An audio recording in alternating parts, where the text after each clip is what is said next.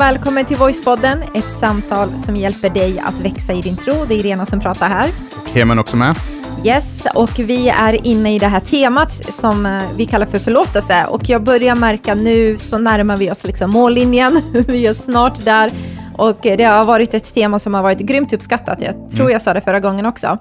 Eh, och vi har ju pratat om alla olika delar där i förlåtelsen och det är som jag nämnt förut liksom ett ämne som berör oss alla oavsett vart vi är eh, på den här trons resa, om vi är början, mitten eller liksom om vi tycker att vi närmar oss Jesus väldigt, så, så känner vi alla igen oss i det här med att behöva jobba med förlåtelse, känna oss förlåtna, förlåta andra och så vidare. Eh, och förra gången så pratade vi om det här med att få förlåtelse från Gud och idag så ska vi prata om på vilka grunder förlåter Gud oss då? Mm, Eh, för där kanske det kan vara lite så att man har olika uppfattningar kring det. Mm. För att eh, alltså jag, jag tror att alla tar för självklart att, men, att Gud kan, kan förlåta människor. Eh, vissa har insett också, fast det är någonting som skon klämmer någonstans. Hur kan Gud bara förlåta, liksom, och, liksom ser Gud mellan fingrarna? Är det det, är det, det som händer? Eller på vilka grunder är det Gud förlåter och var finns rättvisan i det här? Är det rättvist att Gud förlåter någon som har betett sig riktigt, riktigt illa? Liksom? Eh, så det, det kommer vi eh, prata lite om. Och hoppar man in i det här avsnittet rakt in och har inte lyssnat på de andra delarna, så är det jättebra att gå in och lyssna på dem först. Framför allt avsnitt 74, alltså avsnittet innan det här, där vi lägger en grund och pratar vidare om den här berättelsen som vi inledde då, som handlar om Adam och Eva, som är en bild på oss, och där fick du ju en utmaning, Irena. Ja, det, jag älskade det. Alltså sådana frågesport och grejer. Jag gillar det. Jag taggar igång direkt alltså. Jag gör Du faktiskt gjorde det. det väldigt bra måste jag Ja, säga. men tackar, tackar. Eh, och, och, och, och utmaningen gick ut på att eh, jag skulle eh, liksom ta ol- olika mm, händelser utifrån den berättelsen och så skulle du få försöka eh, få in det i, våran, i våra liv idag. Och, det, och det visar sig att det, är inte så, det var inte så svårt och det är precis det som är poängen. Liksom. Att, att anledningen till att den berättelsen finns där, det är inte att det är liksom en flera tusen år gammal berättelse, utan det är en berättelse som, som tar upp människans innersta problem och sen så lägger den grunden för att Gud sen ska kunna lösa det här på, Ja, ett, det. på grund av att vi inte lyckades göra det själva. Mm. Ja, men det är så genom hela Bibeln tycker jag. Vad du än läser i Bibeln faktiskt så kan du, förutom det här med kor och, och getter och liksom det, om du bor i västvärlden kanske du inte känner igen dig i det, men själva reaktionen, hur människan tänkte, agerade och handlade är någonting man kan känna igen sig även idag i vår moderna tid. Eh, men innan vi liksom hoppar in i ämnet så ska vi svara på en fråga som vi har fått från en av våra lyssnare. Och då är det en tjej som undrar, hur vet man om man har förlåtit på riktigt? Vi börjar med den frågan, för hon hade två frågeställningar. Så vi börjar med det första. Hur skulle du svara på det, Heman? Hur vet man om man har förlåtit på riktigt? Just det. Eh, alltså, i, I den frågan så ligger ju just det här som vi har pratat om tidigare, att bara för att jag förlåter så betyder det inte att känslorna bara kommer försvinna direkt, eh, att jag kommer glömma. Eh, och då undrar man, men, men, men hur vet jag då om jag har förlåtit? Eh, och det enda sättet att veta att man har förlåtit, det är att, att jag har gjort det. Eh, Alltså har jag förlåtit, då har jag förlåtit och då har jag påbörjat en process av helande av läkedom. Och bara för att jag inte ser resultaten direkt, typ att jag förlåter och sen dagen efter så blossar känslorna upp igen och jag blir irriterad, så tänker jag, ja men det hjälpte inte. Så ska man inte tänka, utan man ska det är lite som, som, som eh, med löpning, som jag ju eh, är proffs på. Han har faktiskt börjat med löpning, veckolöpning. En gång i veckan har vi gjort börjat det, med. Jag har gjort det två gånger. gjort det Kan- två gånger, Kan man kalla men- det att jag har börjat? Ja, du har börjat. Du har liksom hållit i två gånger. It's a miracle. Nej, men det är stort. Så det är vi, vi, vi, vi. Så är det verkligen, men nu ska vi inte liksom, nu lugnar vi ner oss här, ingen press, utan vi bara en... Vi en, gör ingen grej av det, det är det vi gör ingen känner. grej av det, precis. Det- Vi gör alltid en grej av. Så fort det, det kommer upp på tal så gör vi en grej av det. Då kommer pressen och då backar jag ur. Och då, ska, Nej, men så vi bara låter det vara. Vi låter det vara nu. Så, vi sa inget om din Nej. löpning och träning. just det. Eh, så vad var det jag skulle Jo, men med det här med löpning. Alltså när man går ut och så joggar man liksom första gången. Och det är så att jag, jogg, jag, jag, jag går ut och springer för att få bättre kondition. Men första gången jag går ut och springer, då är det ju jättejobbigt. Mm. Eh, man håller nästan på och, och, och spyr liksom efter Mm. två, en och en halv, två kilometer. Det är väldigt sant. Eh, och då kan man tänka att men nästa gång kommer det bli mycket, mycket bättre. Ja, men det blev lite bättre nästa gång och så nästa gång blir det lite bättre och så vidare och så vidare. Och förhoppningsvis så kommer man dit en dag där man kan springa de här 5-10 kilometer utan att, att det, det är utmanande men att, inte, att man inte kommer fram och är helt slutkörd. Mm. Och lite grann är det med det här att, att förlåta är ju bara första steget av en process, man liksom, det är starten på en ny process, det är inte slutet på någonting, utan eh, ja, det är slutet på det gamla, liksom, men det är början på en process. Så jag skulle säga, hur vet man att man har förlåtit? Det är helt enkelt genom att, att man vet att man har förlåtit, att man Mm. bara förlåter. Exakt, jag håller med dig i det. Och sen så vill jag bara tillägga, jag tror man behöver påminna sig själv om det beslutet man tog, att man har förlåtit den Mm. människan. När känslorna kommer upp och man känner ilska eller besvikelse, vad det nu än kan vara, så behöver man på något sätt påminna sig om att nej, men jag har tagit beslutet att förlåta. Och så får, med tiden så kommer en känsla gå i linje med det beslut eh, och det man återkommer till hela tiden liksom, eh, med det här beslutet. Så, Och det här beslutet blir som ett ankare, liksom Mm. som stadfäster den, som jag hela tiden kan gå tillbaka till. Lite som när man gifter sig och säger sitt ja, vi kan hela tiden gå tillbaka till den stunden när vi sa vårt ja. Även när det, var, när det blir jobbigt och kämpigt och turbulent så kan man alltid gå tillbaka till den här stunden. Jag har faktiskt förlåtit och det gör det så mycket lättare Mm. att ta sig därifrån. Yes. Eh, vi tar fråga två då, som hon hade, och det är, kan man behöva förlåta Gud? Och innan du svarar på det här, det här är första gången jag faktiskt någonsin har eh, hört någon ställa den frågan, kan man behöva förlåta Gud? Eh, och jag tänkte massa tankar direkt, Mm. eh, men jag tänker att du får börja. Ja, men det här är en jättestor fråga och den sätter egentligen fingret på, och, grunden på, i, i- liksom till svaret på det här är ju, vad är min gudssyn? Alltså vad har jag för bild av Gud? Eh, Och har jag bilden av Gud, att Gud är en Gud som eh, gör livet eländigt för, för oss, han sänder sjukdomar, han eh, tar koll på våra eh, nära och kära för att lära oss en, en läxa, Eh, Ja, då förstår jag att, att eh, någon kan tänka sig, jag kanske behöver förlåta Gud, för Gud har gjort någonting mot mig som inte är bra och därför behöver jag förlåta honom. Eh, men den gudsbilden har inte vi eh, och jag tror inte att det är den gudsbilden som kommer fram i Bibeln. Att vi inte förstår allt som händer runt, runt omkring oss betyder inte att det per automatik är Gud som ligger bakom allt som händer.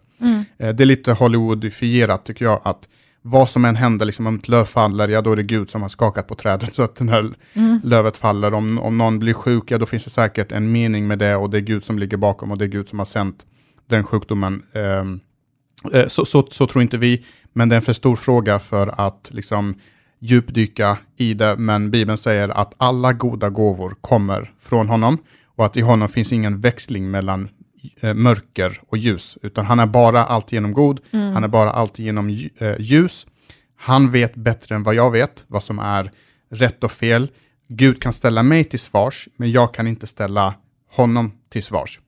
Eh, för att eh, ja, han är så mycket större och så mycket mäktigare och han är allvetande, det är inte jag. Han har Nej. funnits genom alla tider, det har inte jag, jag har bara funnits i 37 år eller eh, vad det nu är.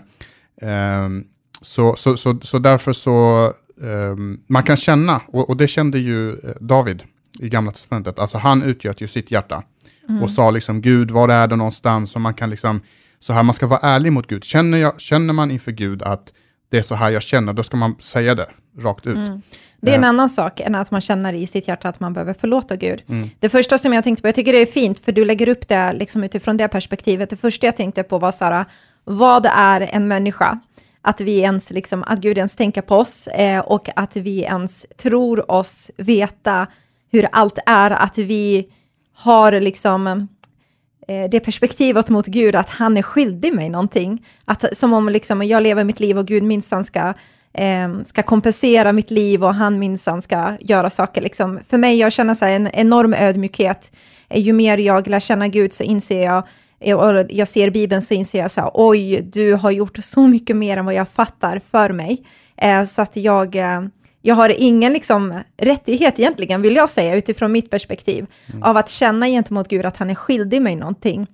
Eh, och Bibeln pratar ju om att han, han bemöter oss inte ut efter våra synder, han behandlar oss inte ut efter våra tillkortakommanden, utan det är mer liksom det perspektivet att Gud möter oss med den här nåden och kärleken fast vi inte har gjort oss något förtjänt av det överhuvudtaget. Eh, men det är en helt annan perspektiv som du säger, att livet händer om man inte förstår saker. Det är en annan grej. Men, eh, precis. men jag skulle nog inte gå så långt i mitt hjärta eh, att jag är där och skulle börja känna att, att jag behöver förlåta Gud. Mm. Men känner man så, jag måste nog förlåta Gud, då ska man som sagt prata om det. Man ska inte sopa det under mattan och bara nej, det så ska man inte göra och liksom göra någon grej av det, utan prata om det, eh, diskutera om det, om man finns med i någon smågrupp eller connect-grupp eller hemgrupp eller vad det nu kallas.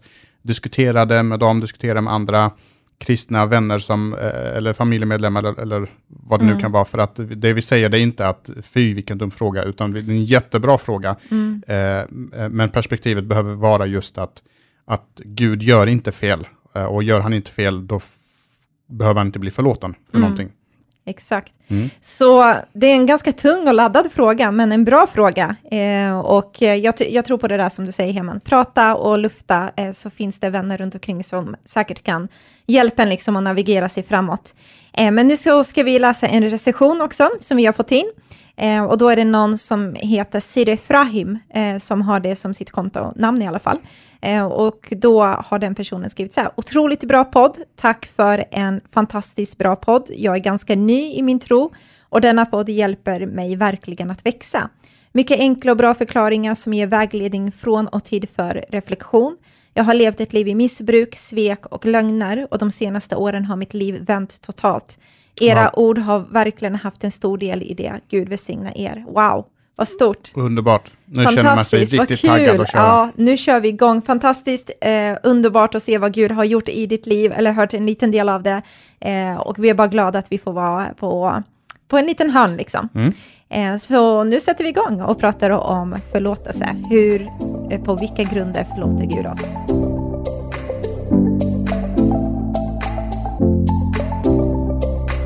Det här är som sagt en fråga som kanske man inte ställer sig, utan man tar det för givet att Gud förlåter, för att man hör det så mycket. Man hör det i kyrkan, man hör det till och med från andra religioner och så. Eh, Men, men det är faktiskt en väldigt bra fråga, att på vilka grunder kan Gud förlåta? Är det rättvist att han förlåter? Ser han mellan fingrarna? Kan Gud göra på det sättet? Eh, Och sen också det här att, att eh, Gud identifierar sig med oss så mycket. Han gör det bland annat genom att bli människa. Och Jesus säger de här berömda orden att, att det ni har gjort mot en av mina minsta, det har ni gjort mot mig. Eh, Så han identifierar sig liksom med oss. Så när jag syndar mot en annan människa, när jag gör orätt mot en annan människa, då gör jag det också eh, mot Gud. Det, det är så han, han ser det. Ja, men jag, jag, tro, jag tror på det, för det framkommer ju så tydligt i Bibeln med den här händelsen att när du har gjort orätt mot din eh, liksom, nästa, gör upp först där innan du kommer till Gud och ber om förlåtelse till exempel. Mm, exakt. Så Gud identifierar sig med oss väldigt mycket. Eh, och, eh, och, och, och kan det då vara så att Gud bara, nej men vi struntar i det du har gjort, det, det är liksom inga, inga konstigheter. Och dessutom, om jag gör någonting mot dig, är det rätt då att Gud är den som förlåter mig? Alltså kan hans, liksom, förstå vad jag menar? Mm. Ja, alltså, det är ju mot dig jag har gjort det. Ja. Men det är just det här att han identifierar sig med oss så otroligt mycket. Så någonting jag gör mot min medmänniska, det gör jag också eh, mot, mot, mot Gud. Och det där perspektivet så brukar man inte ta med sig i själva liksom hetsen eller när man är upprörd och när man säger ord som man ångrar sig eller när man handlar på ett sätt som sårar andra människor så tänker man inte mot det där, oj nu synder jag direkt mot Gud också, utan man tänker, man isolerar händelsen, det är du liksom. Eh, och jag tror att man hade känt att det var enormt orättvist. Om du och jag här, vi hade en händelse, det här med kassen, eh, har du inte hört den storyn, vi, vi tar det i i någon av avsnitten, förra avsnittet var det, Heman gjorde en grej med kassen, så jag bara... Ingen stor grej Nej, egentligen. men vi laddar upp det rejält så man blir nyfiken här. Nej, men, och, och då bara om Gud skulle komma emellan och bara, nej men du Heman, det är okej, liksom alla glömmer och, och så vidare. Då så hade jag känt så här, nej men vad är det här för någonting? Det är ingen rättvisa det här att du kommer emellan och så får du Gud på din sida som bara så. Eh, så det är, det är så när, när vi pratar om Gud, att han är en god Gud, så är han en kärleksfull Gud, men det är inte bara endast det som han är, utan han är också en rättvis Gud. Eh, och det framkommer tydligt i Bibeln att Gud måste skipa, eh, skipa rätt, liksom. Han måste göra det rättvist för oss människor. Just det, exakt. Eh, och eh, precis, han är, han är rättvis och han ser faktiskt inte mellan fingrarna. Eh, och vi hade inte accepterat att Gud skulle se mellan fingrarna. Vi, vi hade inte tyckt att, att det är rättvist. Utan det är faktiskt så, mm, även med Gud, att när Gud förlåter så är det på grund av att ett straff måste utdelas till den skyldige Mm. eller till, alltså, nå- någon behöver betala ett straff.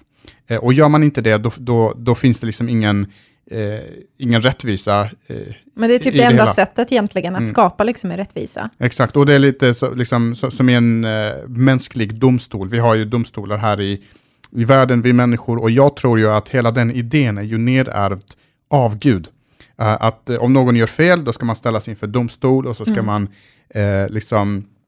Eh, Sona sina brott. Sona sina brott och ett straff liksom ska, om, om, om, man har gjort, om det visar sig att man har gjort fel, men då ska man få ett straff och eh, har man inte gjort fel, då ska man eh, gå fri. Och det är det som är det här dilemmat som, som, som Gud har i, i det här att Gud älskar oss så otroligt mycket och vi gör fel, han måste straffa oss. Jag vet inte om vi har nämnt det hittills, men Bibeln säger att syndens straff är döden, det vill säga en evig skilsmässa från Gud. Mm. Men Gud vill ju inte skiljas ifrån oss i all evighet, så där har han det här dilemmat. Han måste skipa rätt, eh, men han vill inte bestraffa oss för att han älskar oss eh, så otroligt mycket. Eh, och då finns det en liknelse som jag kanske har dragit vid något tillfälle tidigare, men den är så bra så att den är värd att upprepa. Mm. Och den sätter verkligen fingret på hela den här grejen, liksom med, eh, ser Gud mellan fingrarna, eller hur, hur löser han liksom just det här dilemmat? Eh, och då är det en berättelse om två eh, kompisar som växer upp ihop. De är bästa kompisar, de gör allt tillsammans liksom.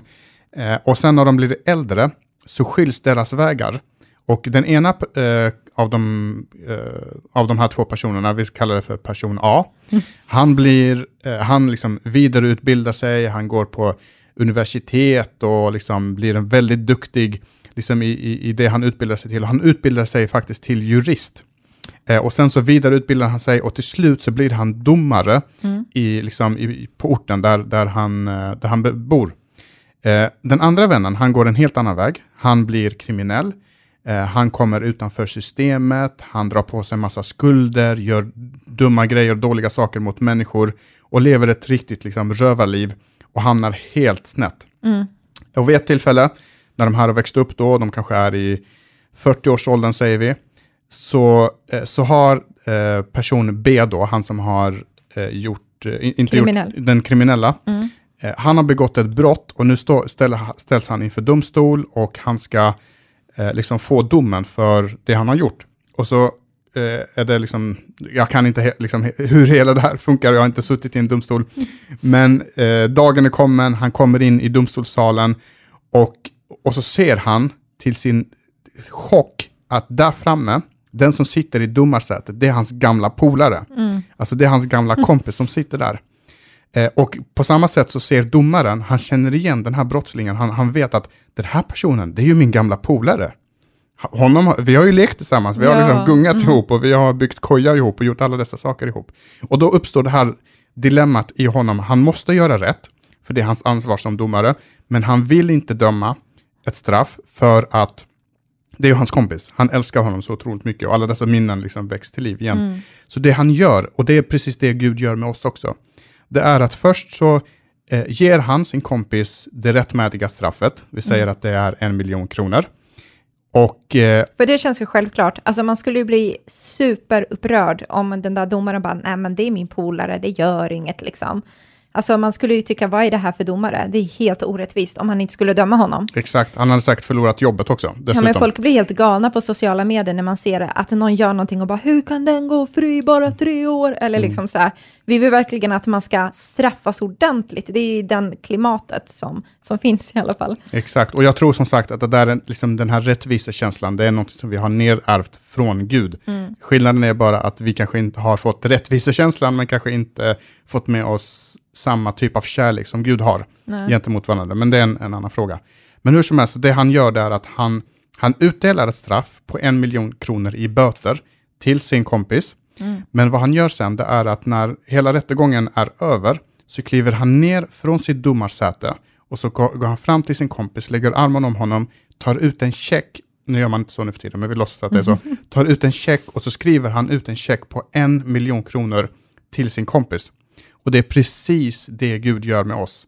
Han delar ut ett straff för att han är rättvis, men sen tar han på sig det straffet själv, Mm. för att vi ska slippa vara skilda från Gud, för att vi ska slippa få det här straffet på oss.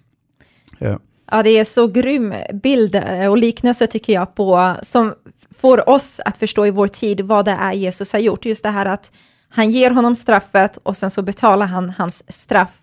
Och det är precis det som vi kan också se när vi, vi pratade om Adam och Eva eh, i förra avsnittet, eh, där de fick eh, möjlighet att kunna få välja utifrån sin fria vilja, så lyssnade de inte på Gud, de valde att gå sin egen väg och där så hände det någonting, att skilsmässan liksom eh, ja, började mellan människan och, och Gud.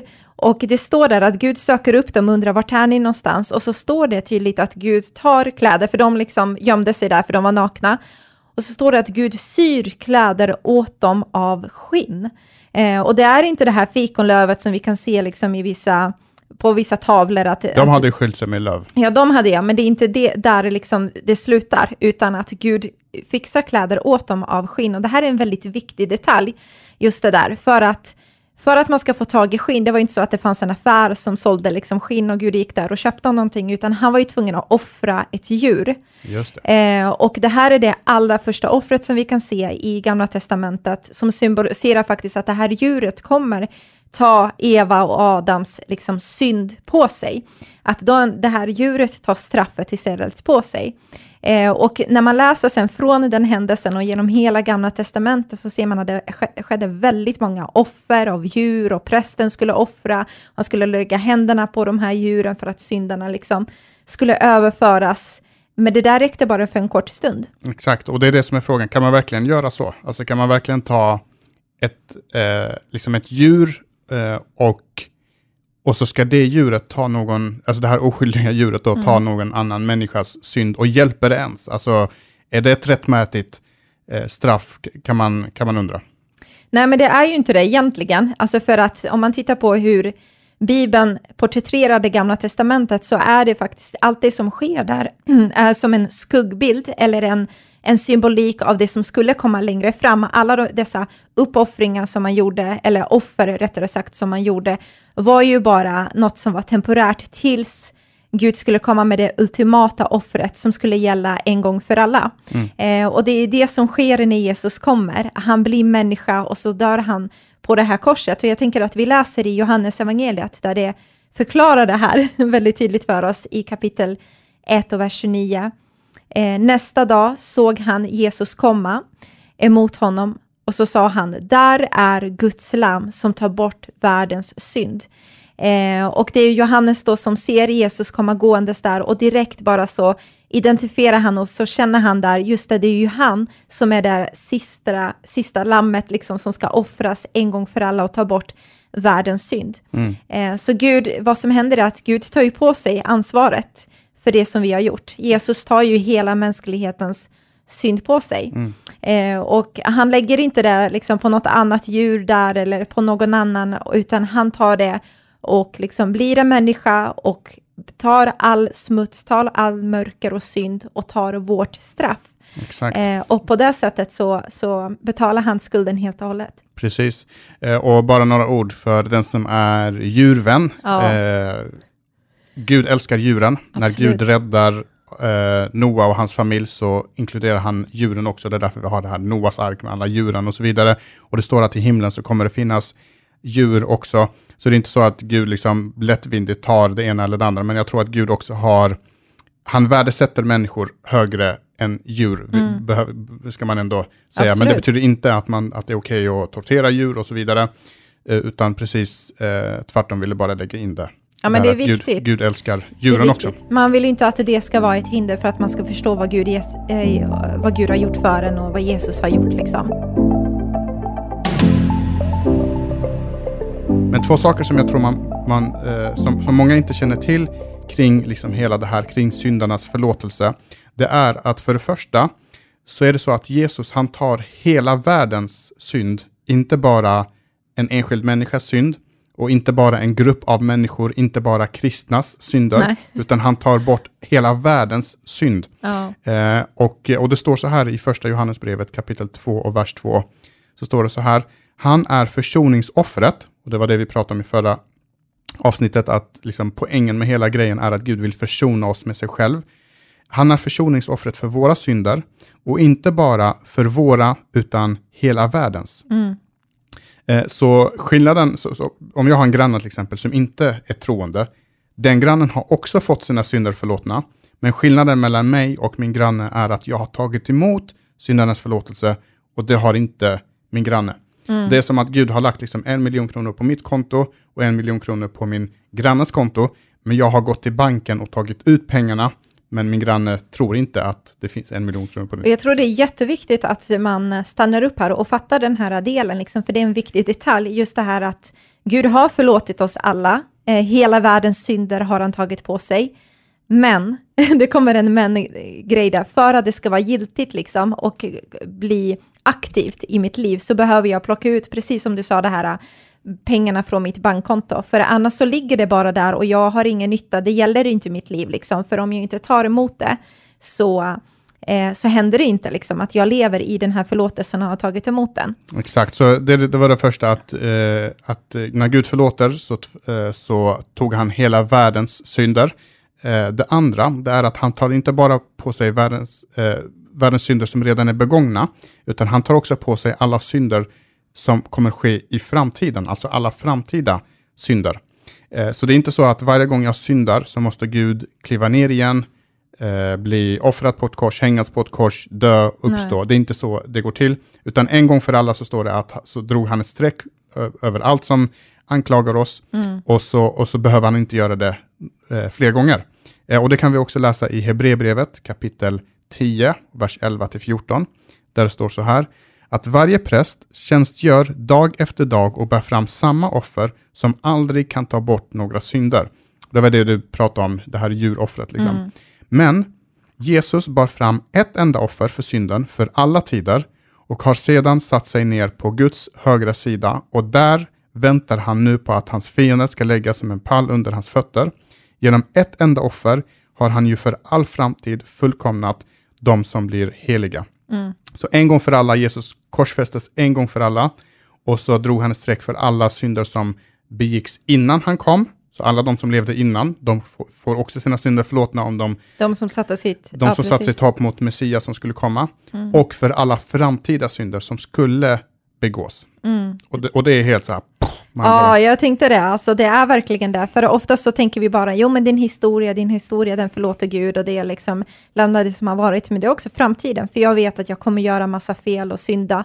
Även om jag inte vill det så kommer jag ändå göra vissa saker. Eh, och även då så tänkte Jesus på det när han hängde på det där eh, på korset. Eh, och en grej som kan uppstå när vi pratar om den här förlåtelsen är så här, men vadå, är det så liksom, förlåter Gud verkligen alltihopa? Är det verkligen på det sättet? Förlåter Gud alla synder. Ja, alla synder, varenda grej, för det finns i historien kan vi se vissa situationer där man undrar så här, nej jag fattar inte, hur kan, inte bara i historien, men i vissa saker som vi själva har upplevt, hur kan Gud förlåta den här människan som har gjort på det här sättet och hemska saker som händer, barn och, och kvinnor världen över, ja, man kan ju bara fortsätta i all oändlighet av all, alla sjuka saker som pågår, som vi gör mot varandra. Men saken är den att vi människor, vi, jag, jag kan känna igen mig i det här, att vi har så lätt för att ranka liksom i ja, men vilka synder vi tycker är fula, mellanstora eh, och små synder som vi tänker så här, ah, men det är inte så farligt för du skadar inte någon annan och du gör inga rubriker av dig så att det är ingen fara liksom. Men om man tittar på vad Jesus har gjort, eh, och det kan vara jobbigt för vissa att höra det här, men Gud förlåter allt Mm. genom att Jesus stod för alla synder. Och han tog hela skulden på sig. Det var inte att han liksom del, vi kör någon delbetalning eller någonting, utan det var allt på en gång. Exakt. Och det är en intressant grej som jag hörde på eh, eh, nyheterna. Det pågår ju en massa olika grejer i politiken och, och det som är stort just nu, det kommer inte säkert vara stort om du hör det här om ett år, men det som är stort just nu, det är ju eh, liksom andra partiers förhållande till Sverigedemokraterna. Det är en sån här stående grej. Det, varenda nyhetsgrej handlar alltid, alltid, alltid om det. Och så undrar folk varför de växer. Eh, och eh, och, och, och, då skulle, och, och nu var det liksom Centerpartiet, nu ska de eh, säga vad de ska eh, göra i den här frågan. Liberalerna är också i det här, de har precis sagt vad de ska göra. Eh, men när, när det kommer till Centerpartiet så väljer de att de kan tänka sig att stödja eh, Socialdemokraterna, Mm. och jag ska bara säga, jag lägger inga värderingar i det här, säger inte att det här är rätt eller fel, det var bara en iakttagelse jag gjorde. Eh, de kan tänka sig att stödja Socialdemokraterna, trots att de behöver stöd från Vänsterpartiet. Eh, och trots att Centerpartiet tycker illa om både Vänsterpartiet och eh, Sverigedemokraterna. Mm. Men när, när då eh, de ska förklara det här, då säger de så här att det finns grader i helvetet. Eh, och, och, och den, bara den frasen är väldigt intressant, att ja, de tycker att Sverigedemokraterna inte är bra och de tycker att Vänsterpartiet inte är bra, men det finns också grader där, att Mm. Sverigedemokraterna är värre än vad Vänsterpartiet, enligt Centerpartiet då. Ja, men det är lite mänskligt att tänka så. Nu kanske de inte tänkte på just helvetet utifrån vårt perspektiv, liksom Mm. på det sättet, men just att man ändå tänker, det finns det här mänskliga i att nej, men det finns nivåer, eh, och vi kan ju använda det omedvetet eller medvetet för att själva komma undan med vissa saker, eh, för att vi ser någon annan som vi tolkar det som att nej, men det där är mycket större liksom, grej och gud, hur kan Gud förlåta det där, men det jag. Gör, nej, men det är inte så farligt, jag kör igång här och Gud förlåter liksom. Eh, men när, när Jesus hängde där på korset och när han gjorde det en gång för alla så förlät han för allt det onda vi har gjort, eh, men också för allt det goda som vi har valt att inte göra. Vi får inte glömma det perspektivet också, Just det. eh, att det var det som hände. Så våran skuld mot Och att Gud, det ser ut i världen så, som, som det gör. Att Ja, det går ja. barn och lägger sig hungriga i magen just nu eh, på grund av hur vi har valt att fördela vår ekonomi Mm. eh, och eh, alla goda grejer vi kunde ha gjort som vi, som vi inte gjorde. Mm. Och jag ska också säga att det, alltså, det är självklart så att i det verkliga, i, i livet, liksom mänskliga livet, så är, det, så är det klart att det finns olika grader av olika synder och brott. Och, konsekvenserna och- blir olika såklart. Precis, och det är därför i domstol så kan man få ett års fängelse eller fem års fängelse Mm. eller böter eller eh, vad det nu kan vara eh, Mm. man får. Och det är klart att det är värre att döda någon än att säga dum huvud till, till någon. Ja, men Eh. där, ins- där så ser man hur perfekt och helig Gud är också. Mm. Eh, att vi människor, vi ser ju det där, men för honom är det så här, äh, mörker är mörker. Mm. Alltså synd är synd. Det, det är liksom, eh, han gör inte skillnad där. När du bryter mot ett så har du brutit mot hela lagen. Exakt, och att våran skuld mot Gud är st- kanske större än vad vi tror att den är. Alltså att vi tror att någon annan har gjort värre saker än vad jag har gjort, eller tvärtom ibland. Mm. Att vi tror att jag är världens största skithög, och, men egentligen är alla li, lika dåliga så, som jag är. Eh, och den typen av kategorisering, alltså hos Gud finns inte det, utan det är liksom en on-off switch. Antingen så är du rättfärdig, det vill säga perfekt, du har inte gjort någonting fel överhuvudtaget som Jesus. Eller så har du gjort fel och misstag och då är du inte rättfärdig. Alltså det, det, det finns ingen gråskala liksom, i, i det här. Nej, och det är, det är nu hoppet kommer in i bilden, tänker jag. När vi läser i Nya Testamentet, i Kolosserbrevet, så beskriver det vår situation, hur illa det var, men också vad som hände som ger oss det här hoppet. I Kolosserbrevet kapitel 2, vers 13-14 så står det så här, ni var döda, på, alltså andligt sett döda, eh, på grund av era överträdelser och ert oomskurna tillstånd. Men Gud lät er bli levande tillsammans med Kristus. Han förlät oss några, nej, han förlät oss alla våra överträdelser och drog ett streck över det skuldebrev med dess föreskrifter som anklagade oss. Det tog han bort och spikade fast på korset. Och det gjorde han en gång för alla och det är därför du säger att antingen är du helt rättfärdig eller så är du liksom eh, orättfärdig, som Bibeln Precis. kallar det också och, för. Och, och det påverkas inte av min dagsform. Jag vaknar, känner mig lite dålig och plötsligt så är jag inte, står jag inte rätt till med Gud, utan Gud har gjort mig rättfärdig. Precis. Och vi har ett helt tema kring det som heter perfekt. Mm. Eh, det kan man lyssna på om man ibland tvivlar på eh, de här sakerna, så ska man eh, lyssna på det att Gud har gjort mig, han har inte, han har inte gjort mig till en, bara liksom en lite bättre människa, slipat lite på kanterna. Du är en utan- ny skapelse, du blir pånyttfödd. Exakt, och det, det, det, det står här, så jag har gått från död till liv. Det är liksom från, on till, från off till on, Mm. från mörker till ljus. Eh, det är inte någon gr gråskala att jag har gjort en resa från att jag var syndare och nu är jag rättfärdig, utan det är, jag går från det ena tillståndet till det andra. Sen därefter följer att hela liksom mitt sinne ska följa med, jag ska bli en bättre människa, jag ska bli mer kärleksfull och alla de här sakerna. Så att det som har hänt på insidan får spilla över Mm. på utsidan. Nu när vi har pratat om förlåtelse i eh, flera avsnitt och vi är på väg att avsluta det här temat så måste vi ändå ta den här 10 000 kronors frågan. Men hur får man förlåtelse då? Hur tar man emot det här? Eh, Bibeln gör det ju väldigt enkelt för en, det är det jag älskar med det kristna budskapet, att det är inte liksom eh, en karta du får där du blir förvirrad bara du öppnar den, utan det är väldigt tydligt. Och i Johannes evangeliet som är typ det mest kända eh, bibelversen någonsin, så kan du inte den utan till så har du säkert hört någon nämna det här. I Johannes evangeliet kapitel 3 och vers 16 så står det så här att så älskade Gud världen att han utgav sin enfödde son för att var och en som tror på honom inte ska gå förlorad utan ha evigt liv. Gud har inte sänt sin son till världen för att döma världen utan för att världen ska bli frälst genom honom. Den som tror på honom blir inte dömd, men den som inte tror är redan dömd eftersom han inte tror på Guds enfödde sons namn.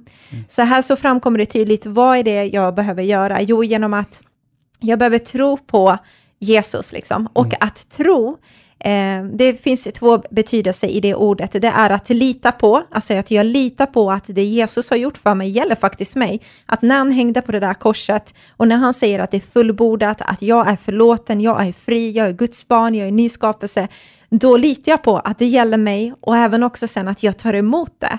Jag liksom eh, konstaterar inte bara, utan jag tar emot det genom att jag inkluderar honom som min Gud och som min Herre.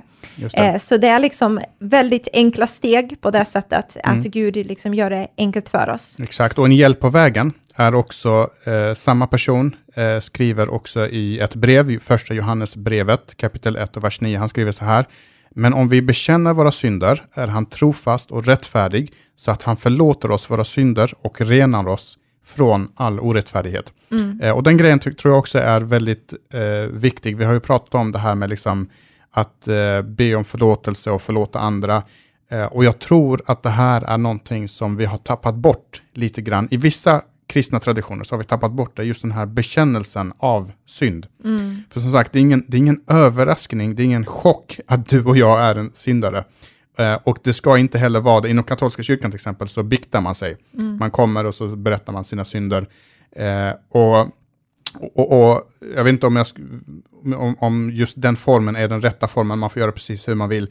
Men i alla fall bekännelsen, att mm. hitta någon nära person, ens partner eller en nära vän som man berättar, du, jag har misslyckats eh, kring de här sakerna. Eller åtminstone bekänna det inför Gud, komma mm. till Gud och säga till Gud att du, nu har jag misslyckats med det här. men man ödmjukar sig inför Gud och bara, Gud förlåt mig. Mm. Jag har syndat mot dig, jag har syndat mot mot dig på det här sättet. Jag är en syndare, jag behöver dig, Gud. Alltså att vi bara skalar bort alla våra fasader och, och vår, liksom, vår bild av att vi inte gör fel. Det är självklart att du gör fel, för du är inte Gud. Mm. Men att man har en ödmjukhet i sitt hjärta och bara i sin brustenhet våga säga det. Gud, förlåt mig. Och där veta att Gud kommer inte piska dig. Han kommer inte ge dig tio stegs eh, liksom, manual till hur du nu ska upprätta dig själv, utan han säger jag tar emot dig och du är förlåten på grund av vad min son har gjort för dig. Mm. Och det gäller oss alla. Men vi behöver också liksom ha den här ödmjukheten. Sjukt bra. Eh, bara en sista fråga. Alltså är det verkligen så enkelt? Det är verkligen så enkelt. Kan man verkligen enkelt. bara säga, ja men jag ber om förlåtelse och sen är jag förlåten? Ja men jag, jag, jag, jag, bara, jag, jag vet inte vad jag ska säga för det, så, det är så enkelt. Eh, för Gud gör det inte svårt för oss. Eh, och han ger, eh, ja, men det är liksom, han ger oss inte dessa långa steg och massa manualer och, och grejer vi behöver göra, utan det... För det tänker jag så här, tänk om, eh, om du skulle komma till mig mm. och så du har gjort någonting dumt eh, och så kommer du till mig och ber om förlåtelse. Tänk hur, du, hur det ha, då hade varit att säga, ja men jag kan förlåta dig, men, men först, och så rullar man ut en sån här ja, toarulle med en liksom tio olika grejer som du måste göra först. Alltså, mm. det, blir ju, det känns ju lite hopplöst. Ja. Sen är det klart att man ska göra bättring och alla de sakerna. Absolut. Ingen snack om saken.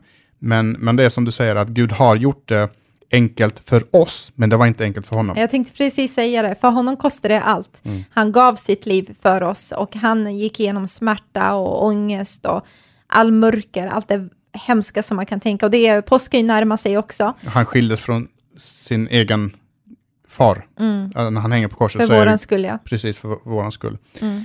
Eh. Men det som är vårt hopp med allt det här som Jesus har gjort för oss, jag vill bara klämma in det, för det är faktiskt en viktig detalj, är att vi sätter inte vår tilltro bara till en Gud som dog på ett kors, utan vi sätter vår tilltro till en Gud som inte blev besegrad av döden. Han uppstod på den tredje dagen, han lever, ja, men han lever Exakt. än idag. Och det är det som är vårt hopp, att vi har en Gud som verkar än idag, en Gud som förvandlar människors liv än idag, en Gud som hör, en Gud som är närvarande, en Gud som är mäktig att gripa in, en Gud som är på riktigt och verklig. Och det är det som är vårt hopp, att Jesus inte bara hängde på det där korset, det var inte kraften i sig på, med korset, om du förstår vad jag menar, för det var många rövare som blev, som blev liksom Korsfästa. korsfästa på det sättet, utan kraften i vår tro är att han är uppstånden och Exakt. lever än idag. Och sen så verkar det som han gjorde på korset gäller än idag. Liksom. Eh, så, um, så Inga- ta med dig det. Inga fler kommentarer. Inga fler kommentarer. Eh, Sjukt bra. Nu har vi pratat länge, mm. så vi avslutar så här. Eh, och eh, glad påsk vill vi säga. glad påsk. Så är det, eller hur? Mm. Eh, så vi kommer ta lite påskledigt några dagar. Ha en fantastisk vecka nu. Eh, vila med nära och kära. Håll distans. Eh, och så ska vi se till att vi klarar oss igenom den här pandemin allihopa. Så ha det bäst nu så ses vi snart igen. Hej då! Hej då.